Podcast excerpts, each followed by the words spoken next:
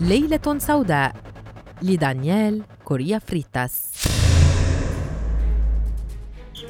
في السابع والعشرين من أكتوبر من عام 2013 ظهر لاعب كرة القدم اليافع في نادي ساو باولو البرازيلي دانييل كوريا فريتاس ميتا في حقل من أشجار الصنوبر. المشهد شنيع جدا جسده عار ورأسه مقطوع جزئيا. علامات التعذيب واضحة عليه وأعضاؤه التناسلية مرمية على شجرة جريمة قتل من المستحيل نسيانها.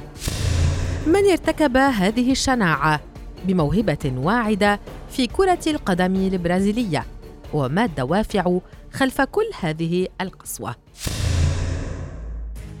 رجل الأعمال البرازيلي أديسون بريتز كشف ملابسات الحادث مشيرا إلى أن الدافع وراء قتله لاعب نادي ساو باولو البرازيلي المعار إلى ساو بينتو هو أن اللاعب كان على وشك اغتصاب زوجته وفي تفاصيل الحادثة اللاعب دانيال كوريا فريتاس كان مدعوا إلى بيت بريتز لحضور حفل عيد ميلاد ابنته ألانا الثامن عشر.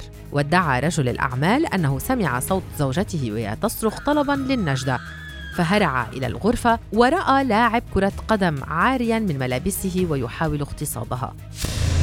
من جانبها أكدت ابنة رجل الأعمال رواية والدها في نفس التسجيل الذي عرض على القناة البرازيلية مشيرة إلى أن من كانوا بالحفل هرعوا إلى غرفة نوم والدتها عقب سماع صرخاتها تستغيث.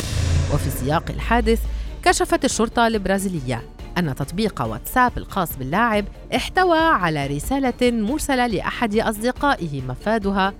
سأقوم بالتهام أم صاحبة حفلة عيد الميلاد. كما وكان قد أرسل صورة له على الواتساب. إلى أصدقائه تظهر والدة ألانا نائمة في فراشها وهو عار إلى جانبها.